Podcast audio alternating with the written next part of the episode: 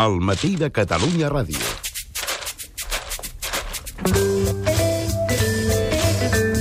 Tornem a tenir aquí amb nosaltres en Màrio Serra. Màrius, bon dia com més. Bon dia i bona hora. Per fer l'actoràlia i començar amb el llegit. Sí, senyor, avui ens l'il·lustraran Coldplay en honor al Barça. Ara parlarem del Barça. Per què has escollit Coldplay? Bé, perquè aquest tema, que es diu Speed of Sound, em ve a tom per recomanar eh, i per glossar La dona veloç, d'Imma Monzó. Eh, aquest és el Premi Ramon Llull, està publicat, per tant, per Planeta. És una novel·la que està, mm, diguem, protagonitzada per una psiquiatra eh, que té una mena de relació una mica malaltissa amb el temps, que és una cosa que aquí a la ràdio ens passa molt, eh, diguem. Eh, aquesta psiquiatra, de 48 anys, que es diu Nes, de fet es diu Agnès, però ja li escurcen, eh, sempre es garrapa segons i temps i minuts de tot arreu, i quan arriba, diguem, a l'autopista i té allà el senyor que ha de passar del peatge, ella ja abaixa la finestreta abans d'arribar-hi i treu la, la targeta per esgarrapar aquells 8 segons. Bé, això, que és com anecdòtic i de creació del personatge, eh, assistim durant la novel·la, Imma Monsó ens porta a les seves relacions humanes, ve d'una família que es divideix entre els ràpids, dels quals ella forma part, i sa germana, i els lents, eh, que és un germà i que queden i la mare i, i, i que queden com mal vistos, no? I anem descobrint, mm, val a dir que des d'una mentalitat una mica patològica, molt especulativa d'aquesta psiquiatra, anem descobrint secrets de família d'aquesta família, mm, bé, com en qualsevol família, doncs alguns secrets de, del, del passat, sobretot de les relacions dels pares, no? És una novel·la interessant, fascinantment escrita, però he de dir que mm, eh, hi ha un punt de bromera que fa que no acabis avançant. És a dir, el lector acaba, de vegades, una mica tenint aquesta sensació de vida insubstancial que acaba tenint la protagonista, no? I això s'empelta, és una novel·la llarga, i mm, de vegades algun dels seus meandres et fa que eh, et costi anar avançant. Tot i així, el, el, diguem, la prosa de l'Imma Monsó és esplèndida, com et deia, i el plantejament és molt original, molt contemporani, vivim totalment eh, enfrontats a la lluita titànica amb el temps. Mots per clau. tant, els mots clau serien temps, pressa, urgència, buidor, família i, per posar un exemple d'un autor, un filòsof, Althusser. Els events han mos desig complir. Avui que estem escoltant eh, accents de tota mena al matí de Catalunya Ràdio, ens portes Raimon. Sí, senyor. Uh, Raimon, del qual només te'n diré una cosa, una fitxa, i li demanaré al Cesc que torni, quan jo li digui, que torni a engegar aquest Raimon cantant, perquè farem un experiment radiofònic, ja veuràs que, que serà si surt. interessant.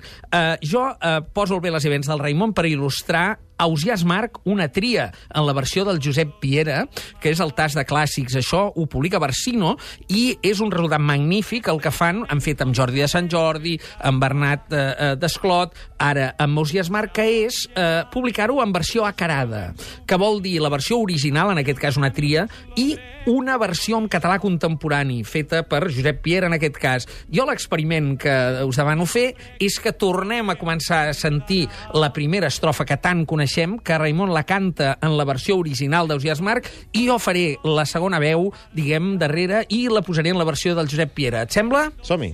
Els events han mos desig complir. Veles i vents compliran els desig.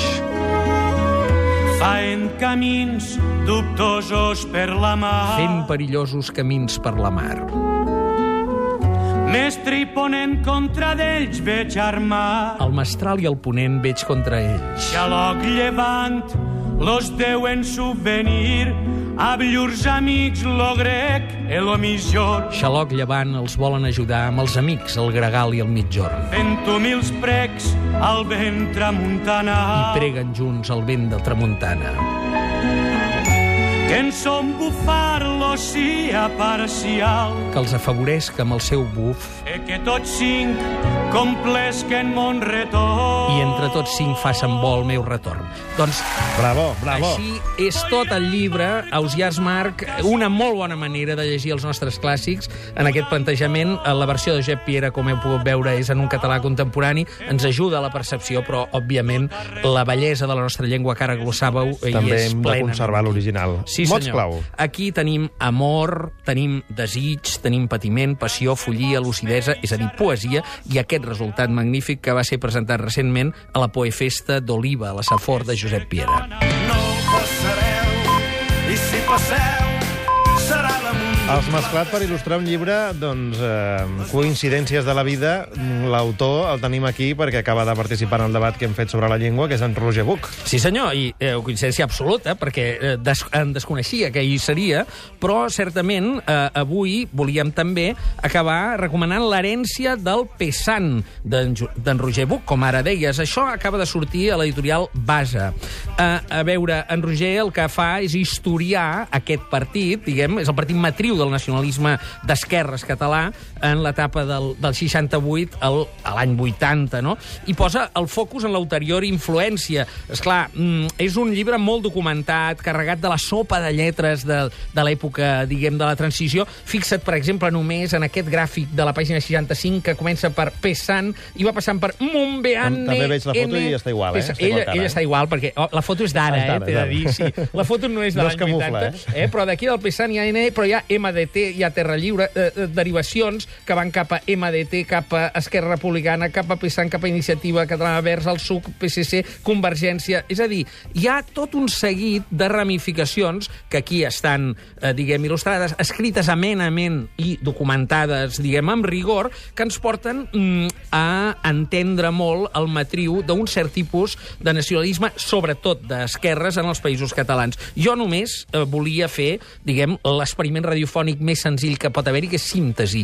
Et eh, llegiré una alineació, com si fos l'alineació del Barça, amb uns cognoms eh, que sonaran, perquè mm, són els que, I que estan en, eh, glossen. inclosos no? en aquest llibre. Eh, cer- certament, perquè del que es tracta és de veure l'herència del Pesant, no? Per Però- exemple, cognoms com ara Arnet, Armet, perdó, Bargalló, Bru de Sala, Carot Rovira, Castellanos, Fuster, Jaume, Guardiola, Carles Jordi, eh? no el Pep Guardiola, que era molt jove, no, no hi seria, Guia, Josep Huguet, Maria Mercè Marçal, i així fins a un munt de noms que després han anat fent via en l'àmbit polític i cultural d'aquest país. I a banda d'aquests cognoms, quins mots claus més tens? El mot clau, bàsicament, és política, nacionalisme, Catalunya i països catalans. Mario Serra, moltíssimes gràcies. Ens retrobem dimecres vinent. A reveure. Bon dia.